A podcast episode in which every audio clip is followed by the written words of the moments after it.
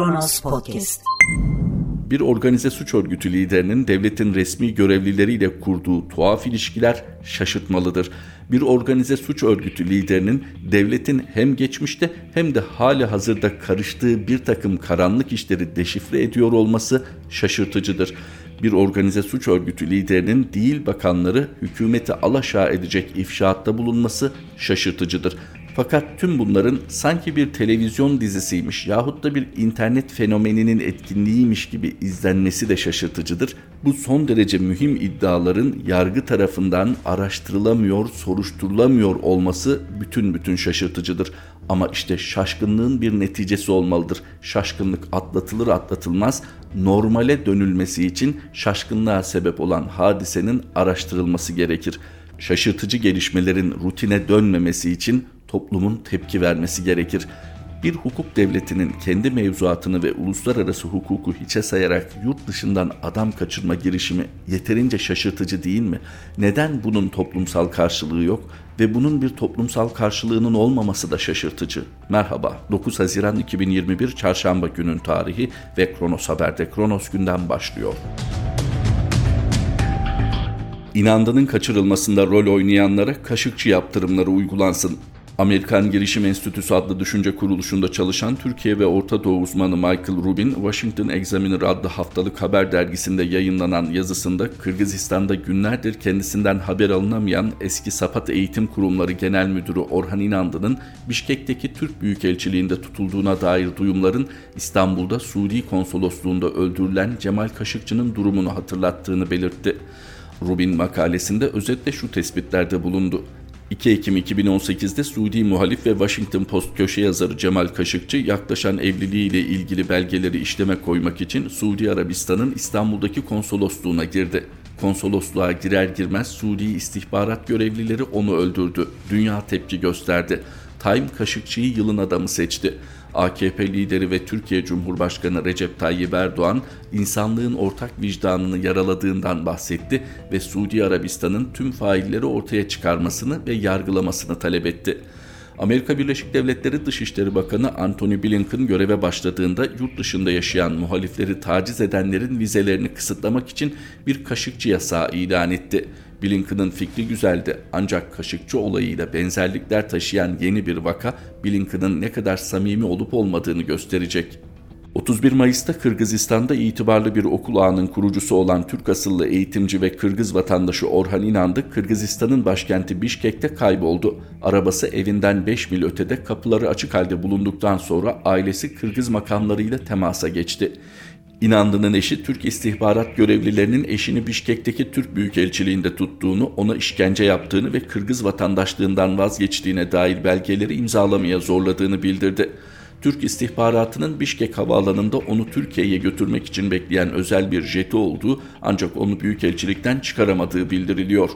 Türk yetkililer inandının kaçırılmasını Erdoğan'ın aşırılıkçı anlayışının aksine Anadolu Sufi İslam'ını teşvik eden muhalif ilahiyatçı Fethullah Gülen'in takipçisi olduğu gerekçesine dayandırıyor. Türkiye Erdoğan'ın Gülen'le 10 yıl önce ayrılmasından bu yana yüzden fazla muhalifi zorla Türkiye'ye getirse de inandı olayı Türkiye'nin başka bir ülkeden o ülkenin vatandaşını kaçırmaya çalışması bakımından bir ilk. Erdoğan tüm Gülen takipçilerinin terörist olduğu için işkence, taciz ve katledilmeye maruz kalabileceğini savunuyor. Bu mantıkla Suudi Veliaht Prens Muhammed Bin Salman'ın Kaşıkçı'ya karşı yürüttüğü operasyonun mantığı paralellik gösteriyor.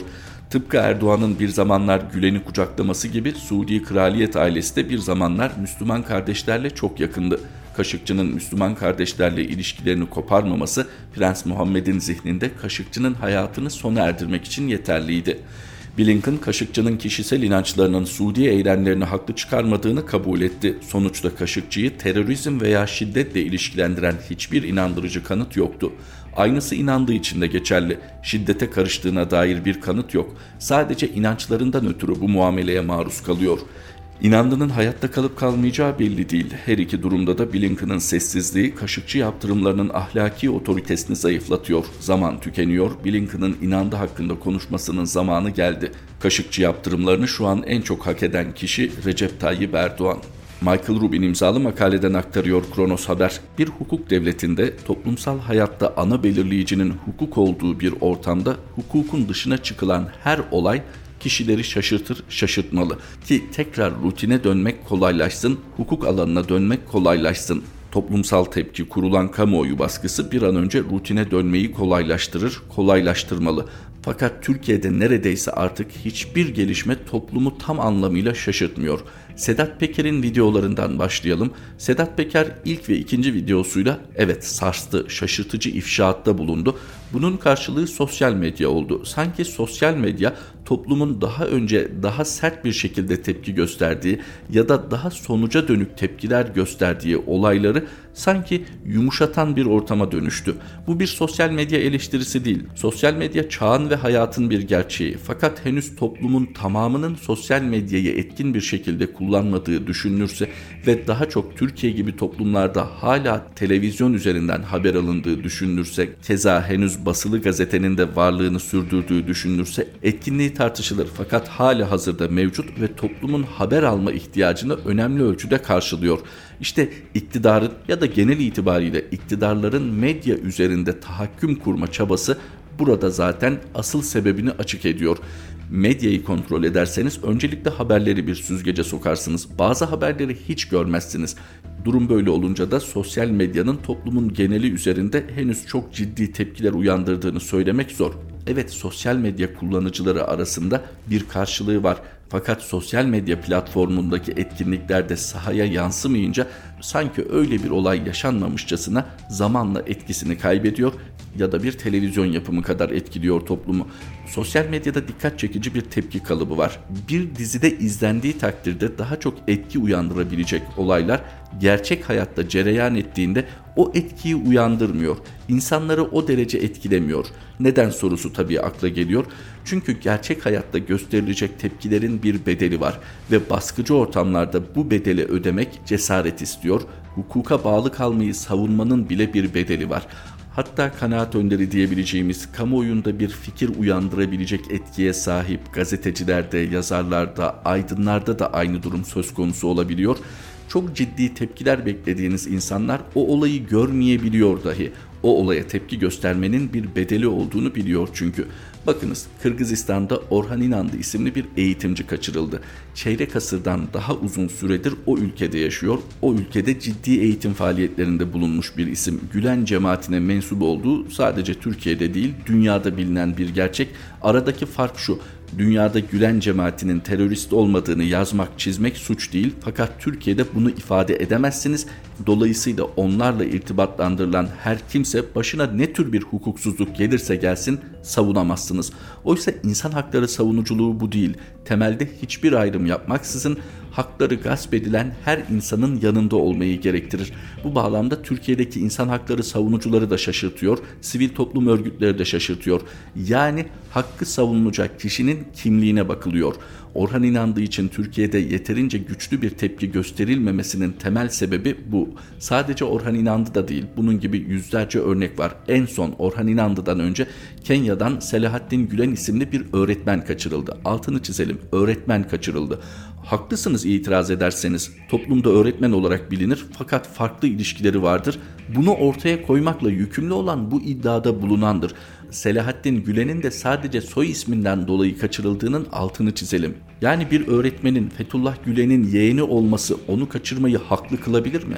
Bir kere Selahattin Gülen hakkında acaba Türkiye'de açılmış bir soruşturma var mı? Bunu biliyor muyuz? Acaba önce Selahattin Gülen kaçırıldı, sonra günlerce kamuoyundan gizlendi, bir takım açıklanamayan sorgu süreçlerinden geçirildi, ondan sonra mı acaba Türkiye'ye getirildiği açıklandı? Neden Kenya'dan nasıl götürüldüğü açıklanmıyor ki artık tüm dünya biliyor görece zayıf bulunan ülkelerden yani uluslararası alanda ciddi tepki gösteremeyecek yahut da Türkiye üzerinde bir yaptırım uygulayamayacak ya da uygulamayacak ülkelerden insan kaçırıldığı biliniyor. Kaldı ki Türkiye'nin de bunu gizlemek için özel bir gayreti olmadığı çok belli.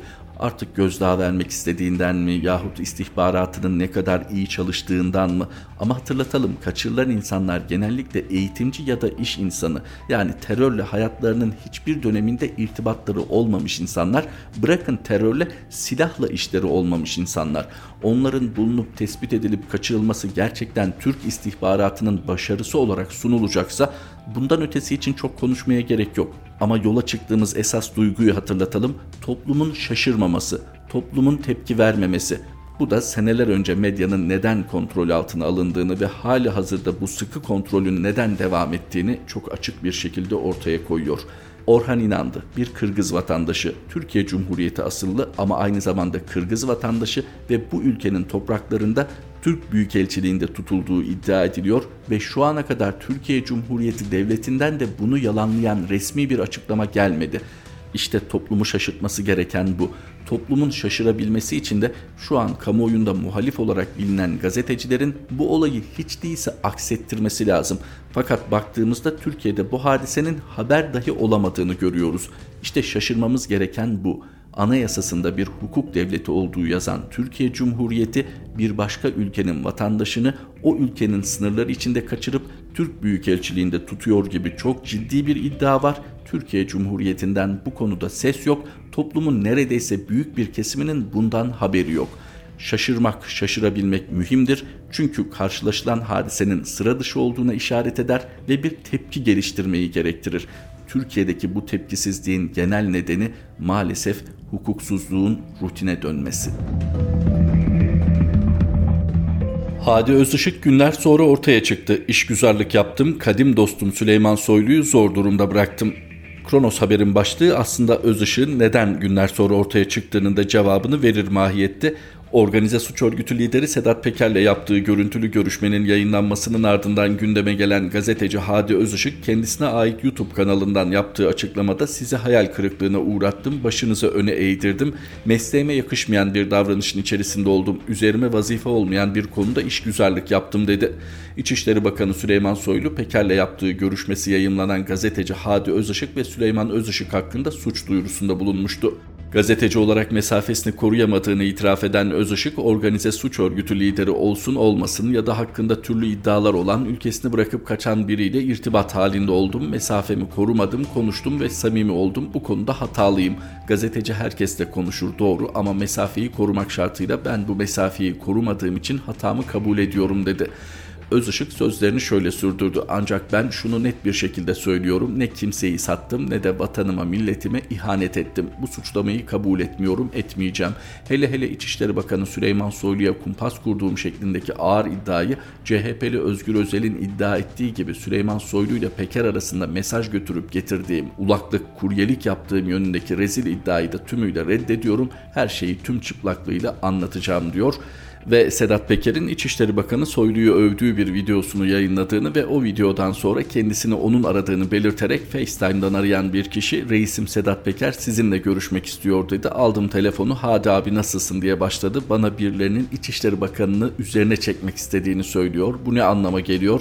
Sedat Peker durup dururken bu açıklamasından sonra beni niye aradı sizce? O kadar net ki anlayacağınız benim üzerimden Soylu'ya mesaj göndermek istiyor. Ben bu konuda herhangi bir yorum yapmadım kendi yaşadıklarını anlattı. Ben de dinlemekle yetindim diyor Hadi Özışık günlerdir sessizdi ama bu sessizlik eylemsizlik değilmiş anlaşılan bir strateji geliştirilmiş. Hadi Özışık'ın YouTube kanalından yaptığı açıklama ilk uyandıracağı intiba itibariyle hani buradan Süleyman Soylu'ya ne kadar destek olabiliriz hiç değilse buradan meseleyi tamamen üstüme alıp İçişleri Bakanı Süleyman Soylu'yu ne kadar rahatlatabilirim çabası güdüyor. Bir ayrıntısı da şu Özgür Özel üzerinden CHP'yi de konuya dahil edebilir miyiz? Çünkü şöyle mühim bir iddiası var. Bir gün önce söz konusu kaydın Özgür Özel'in eline geçtiğini iddia ediyor. O kaydı biliyor ki onun üzerinden meydan okuyor diyor özetle. Hani baktığımızda aslında bir organize suç örgütü lideriyle bakan arasında ara buluculuk yapmaya çalışan gazeteci figürü görüyoruz. Kendi tabirinizde işgüzarlık yapıyorsunuz fakat bunun neticesi de 30 yıllık dostunuza zarar veriyorsunuz. O dostunuzda hakkında bu kadar vahim iddialar bulunmasına rağmen lütfedip sağlıklı bir soruşturma yürütülmesi için dahi istifa etmeyen Süleyman Soylu. Şaşırtıcı yahut da olayın seyrini değiştirecek bir açıklama değil Özışık'ınki. Olsa olsa kendimizi düşürdüğümüz bu noktadan Süleyman Soylu'ya ne kadar destek olabiliriz çabası. Biden yönetimi Erdoğan'dan S-400 için yazılı taahhüt istedi iddiası. Amerika Birleşik Devletleri Başkanı Joe Biden, Adalet ve Kalkınma Partisi lideri ve Cumhurbaşkanı Recep Tayyip Erdoğan'a 6 ay sonra randevu verdi. İki lider 14 Aralık'ta Belçika'nın başşehri Brüksel'de NATO zirvesi esnasında bir araya gelecek. Zirvenin en kritik başlığı Rusya'dan satın alınan S-400 hava savunma sistemi. AK Parti hükümetine yakın çizgide yayın yapan ve organize suç örgütü lideri Sedat Peker'in Ziraat Bankası kredisi iddialarının merkezindeki Hürriyet gazetesinin Ankara temsilcisi Hande Fırat'ın bugün yayımlanan makalesinde The. ABD yönetiminin S-400 hava savunma sisteminin aktif hale getirilmeyeceğine dair Türkiye'den taahhüt istediği belirtildi. Fırat'ın paylaştığı bilgiler arasında dikkati çeken bir diğer ayrıntı ise S-400'lerin denetiminin Amerikan askeri uzmanları tarafından yapılacak olması. Fırat, Türkiye'nin Biden yönetiminin taleplerini reddettiğini belirtti. Fırat köşesinde şu ifadelere yer verdi. Ankara'ya yapılan S-400 teklifinde de ziyadesiyle kendini gösterdi. Hatırlayacaksınız Biden-Erdoğan görüşmesinin hazırlığı için Ankara'ya gelen ABD Dışişleri Bakan Yardımcısı Wendy Sherman, Hürriyet Gazetesi ve CNN Türk'e verdiği mülakatlarda S-400'leri almak NATO ittifakında sorun teşkil ediyor. Alternatif sunduk tam olarak ne yapmaları gerektiğini biliyorlar.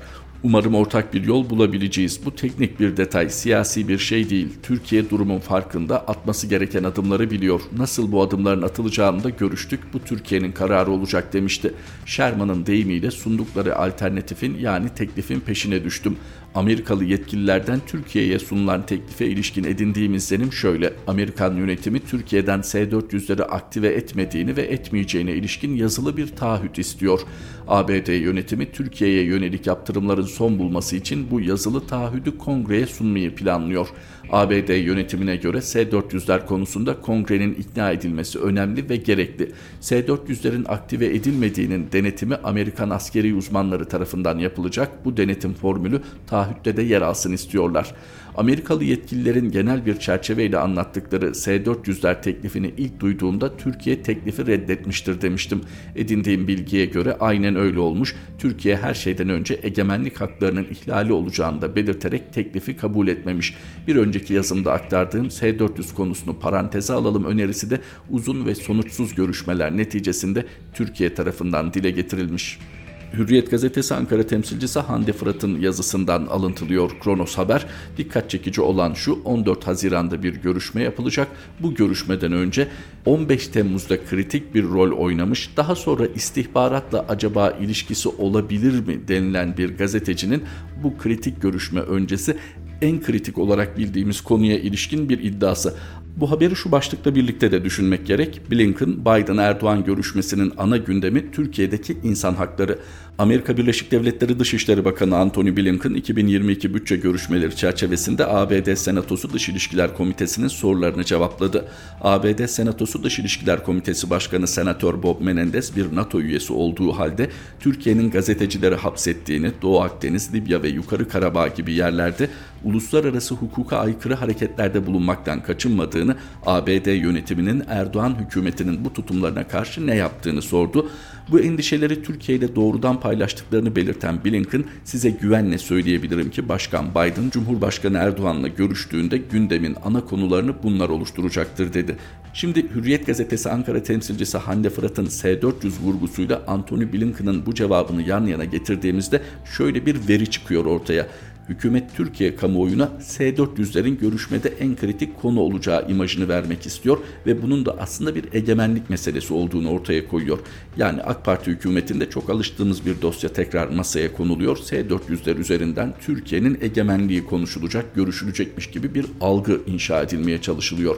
Fakat Amerika Birleşik Devletleri Dışişleri Bakanı Blinken'ın Dış İlişkiler Komitesi Başkanı Bob Menendez'e verdiği cevaptan şunu anlıyoruz. Biden'ın öncelikli gündemi S-400 değil. S-400 belki de artık sadece teknik ayrıntılara kaldı. Hani Wendy Sherman'ın Türkiye ziyaretinde dediği siyasi bir şey değil, teknik detay Demek ki mesele görüşüldü ve bir teknik detaya kadar indirgendi. Her ne kadar iç kamuoyunda Türkiye'de böyle bilinmese de S-400 konusu büyük olasılıkla halledildi. Bunun sadece dünya kamuoyuna deklare edilmesi kaldı. Tabi Türkiye'de bunun için Rusya'dan kesilecek faturayı hafifletmeye çalışıyor olabilir bu esnada ama Blinken'ın ifadesi önemli. Biden'ın gündeminde ağırlıklı olarak insan hakları var. 2021 Türkiye'si Cumhurbaşkanı'nın da böyle bir gündemle masaya oturacak olması 19 yıldır iktidarda bulunan Adalet ve Kalkınma Partisi'nin sorunu olsa gerek ağırlıklı olarak.